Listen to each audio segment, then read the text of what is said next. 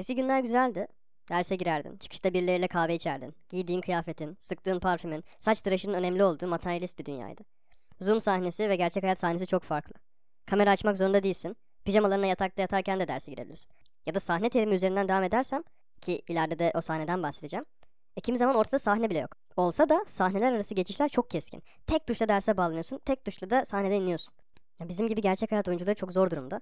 Performansımızı sergileyebileceğimiz ortam kalmadı, izleyici de kalmadı. Yersen.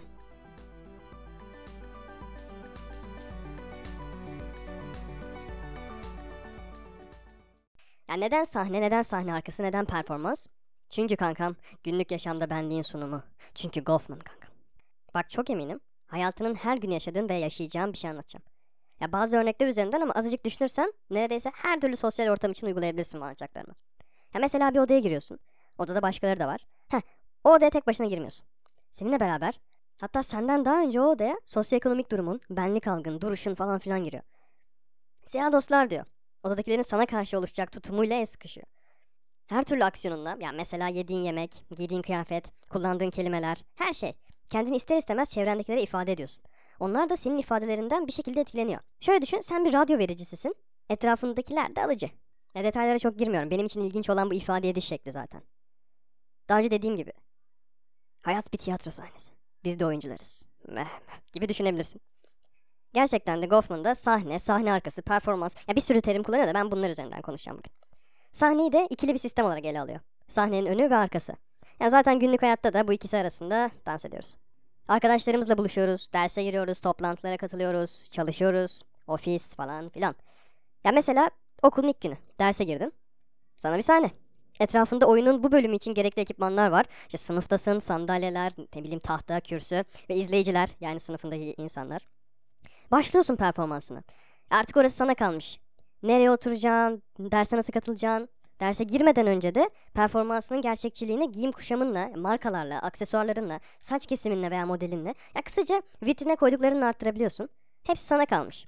Az önce bahsettiğim bu ifade ediş aslında performansımız için çok önemli bir muhabbet. Dediğim gibi bunları her türlü sosyal etkileşimin olduğu ortama uyarlayabilirsin. Aileyle yenecek akşam yemeği, sevgiliyle buluşma, iş, ofis. Hayat bir tiyatro. İzleyicileri, sahneleri, sahne arkası, dekoruyla önemli olan aslında ne kadar farkında olduğumuz. Yani birçok şeyi hiç düşünmeden yapıyoruz. Örneğin o gün o derse giderken ne giyeceğini düşünmezsin. Yani tabii ki düşünürsün. İşte hangi pantolonu giysem bu tişört buna uyuyor mu ya da elbise hangi elbisem. Ama ondan bahsetmiyorum. Çünkü asıl düşünmediğimiz şey bunlar. Yani hangi pantolonu giyeceğini tabii ki düşünüyorsun ama neden pantolon giydiğini düşünmüyorsun. Bak burada metafor olarak kullandım pantolonu. Anlamadıysan diye söylüyorum. Sonra pantolon giymiyorum falan şey yapma yani.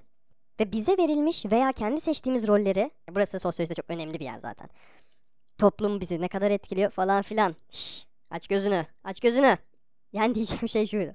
Bize verilmiş veya seçtiğimiz rolleri yeterince uzun süre canlandırırsak galiba bir noktada oyuncu olduğumuzu ve bir role bağlı olduğumuzu unutuyoruz. O rolün kendisine dönüşüyoruz. Düşünmüyoruz, sorgulamıyoruz, fark etmiyoruz. Alıştığımız yoldan otomatik olarak yapıyoruz. Bizim ihtiyacımız olan şey ise neyi, neden ve nasıl yaptığımızı fark etmek. Sonra da sorgulamak. Yani taktığın maskenin kendi suratın olduğunu sanmadan önce görmek sahne arkasına geçtiğinde neler oluyor diye düşünmek. Şimdi bak sahne arkasını çok anlatmadım. Ya onu sana bırakıyorum biraz düşün. Sahne buysa sahne arkası nedir kanks? Bunları da Goffman demiyor. Yanlış anlamayın. Ben diyorum. Zaten herkesin sosyolojisi de kendine. Yola Goffman ve gündelik yaşamda benliğin sunumu anlatacağım diye çıktım ama sonra sanırım yolumdan biraz saptım ama çok da kötü olmadı. Ben bugün Goffman'ın bahsettiği bir iki kavramdan yola çıkarak konuştum. Ya zaten bunlar 5 dakikada 10 dakikada anlatılacak mevzular değil. Ama ilgini çektiyse umarım bir açıp bakarsın. Çünkü Google bir arama motorudur kardeş. Ve arayıp bulursan göreceksin ki bunu çok iyi anlatan insanlar var dışarıda. Bir yerlerde yapayanlı. Ve yeterince istersen onları bulabilirsin ve öğrenirsin. Sevgili dinleyen. Bana yüzeysel içerik yapıyorsun. Fast food bu. Gibi eleştirilerde lütfen bulunma. Yani ben sadece ilgimi çekmiş bir konu üzerine konuşuyorum. Ve belki anlattığım şeylerin bazıları veya çıkış noktalarım senin de ilgini çeker diye umut ediyorum. Ve isterim ki Sahne bir sonraki çıkışında yani belki 5 dakika sonra oynadığın role, seyircilere, onların beklentilerine biraz dikkat et. Ve sahnenin kendisine, dekorlara, kostümlere. Üstüne birazcık düşün, farkında olmaya çalış. Evet, yine konuştuk valla.